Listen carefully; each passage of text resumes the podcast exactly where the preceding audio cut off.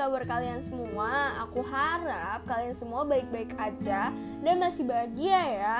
Dan yang belum bahagia, yuk dengerin podcast kita hari ini dari awal sampai akhir karena kita bakal bahas informasi penting seputar perlindungan kesehatan mental dalam perspektif hukum di Indonesia. Jadi, kesehatan mental di Indonesia itu udah diatur dalam perundang-undangan. Hal ini tentunya ditunjukkan untuk melindungi hak asasi manusia yang di mana merupakan hak yang melekat pada diri manusia sejak dia lahir. Yuk dengerin podcast ini sampai akhir biar kita lebih teredukasi seputar perlindungan kesehatan mental di ranah hukum. Perlindungan kesehatan mental yang pertama yaitu ditunjukkan untuk anak. Perlindungan pada anak ini diatur pada pasal 58 ayat 1 yang berbunyi Anak adalah bagian yang tidak terpisahkan dari keberlangsungan hidup manusia dan keberlangsungan sebuah bangsa dan negara. Agar kelak mampu bertanggung jawab dalam keberlangsungan bangsa dan negara. Setiap anak perlu mendapat kesempatan yang seluas-luasnya untuk tumbuh dan berkembang secara optimal, baik fisik, mental, maupun sosial. Pelindungan terhadap anak ini juga diatur pada pasal 58 UU nomor 39 tahun 1999 tentang hak asasi manusia yang berbunyi sebagai berikut.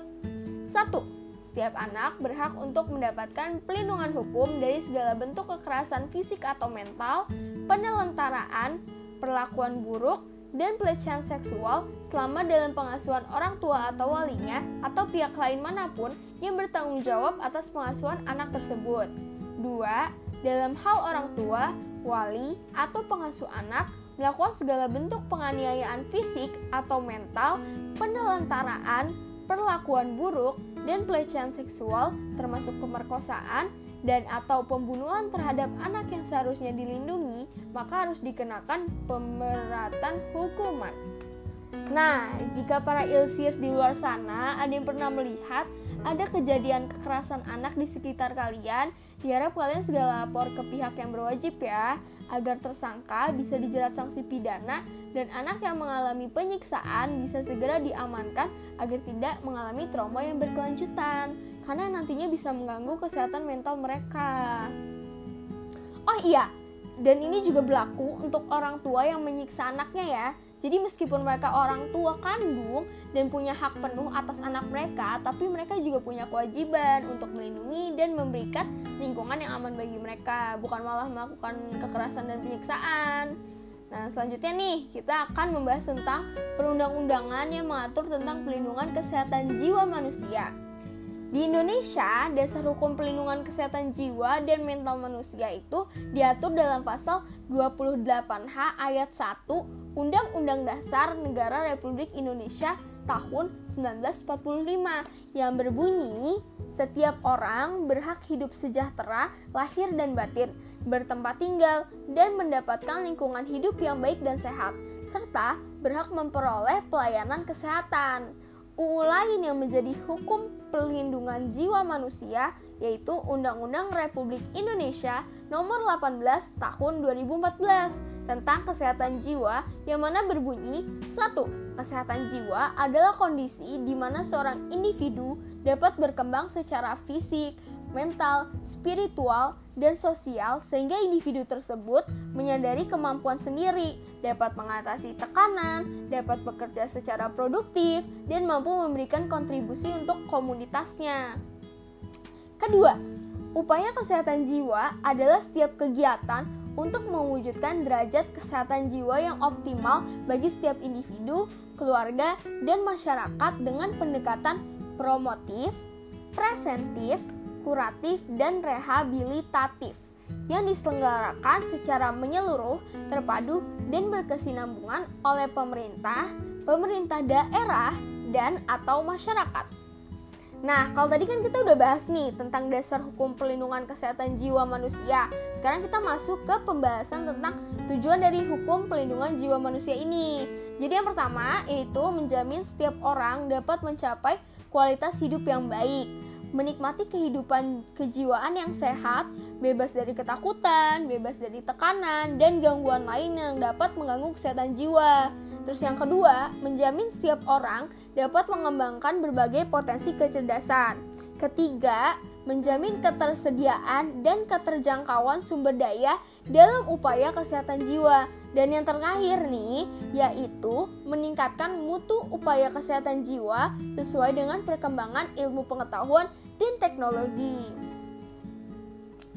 Upaya perlindungan kesehatan jiwa ini dilaksanakan oleh pemerintah, pemerintah daerah, pihak swasta, dan atau masyarakat melalui tiga jenis kegiatan.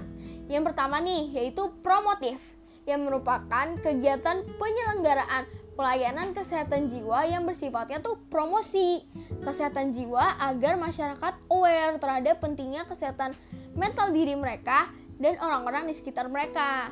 Terus yang kedua ada preventif ini adalah kegiatan yang mencegah terjadinya masalah kejiwaan yang dapat berakibat fatal bagi penderitanya. Dalam kegiatan ini tuh masyarakat diharapkan dapat mengenali tanda-tanda gangguan kesehatan agar bisa mendapat pelayanan dan pengobatan sebelum terlambat. Terus jenis kegiatan yang ketiga yaitu rehabilitatif, yaitu upaya rehabilitatif ini dilakukan dengan tujuan untuk mencegah atau mengendalikan disabilitas memulihkan fungsi sosial dalam lingkungan masyarakat. Nah, gitu deh guys, untuk upaya perlindungan kesehatan jiwa yang dilakukan oleh pemerintah. Terus, kalau tadi kan kita udah bahas nih tentang dasar-dasar hukumnya, sekarang kita lanjut ke sanksi pidana bagi pelaku kekerasan mental dan fisik bagi anak yang tertera pada pasal 80 UU 35 tahun 2014 yang berbunyi 1 setiap orang yang melanggar ketentuan sebagaimana dimaksud dalam pasal 76C dipidana dengan pidana penjara paling lama 3 tahun 6 bulan dan atau denda paling banyak 72 juta rupiah. 2. Dalam hal anak sebagaimana dimaksud pada ayat 1, luka berat, maka pelaku dipidana dengan pidana penjara paling lama 5 tahun dan atau dengan denda paling banyak 100 juta rupiah. Yang ketiga, dalam hal anak sebagaimana dimaksud pada ayat 2 mati, maka pelaku dipidana dengan pidana penjara paling lama 15 tahun dan atau denda paling banyak 3 miliar rupiah. Nah, sekian deh informasi seputar perlindungan kekerasan mental fisik serta psikis dalam konteks pandangan hukum yang bisa kita share dengan para ilsiers nih. Semoga kita bisa lebih saling menghargai dan terus mengkampanyekan gerakan anti kekerasan mental dan fisik di mana pun kita berada ya folks. Nah udah deh guys, cukup sampai situ aja. Terima kasih nih buat para pendengar setia Ilsiasa. I hope you guys have a pleasant day, whoever you are, wherever you are. We all bleed the same color, we all breathe the same air, therefore, we all are the same race. We are the human race, and the best thing we can do as a human is treating each other with the humanity. Ilsiasa pamit undur diri, maaf jika ada salah perkataan. See you on the next episode, Ilsiers. Bye!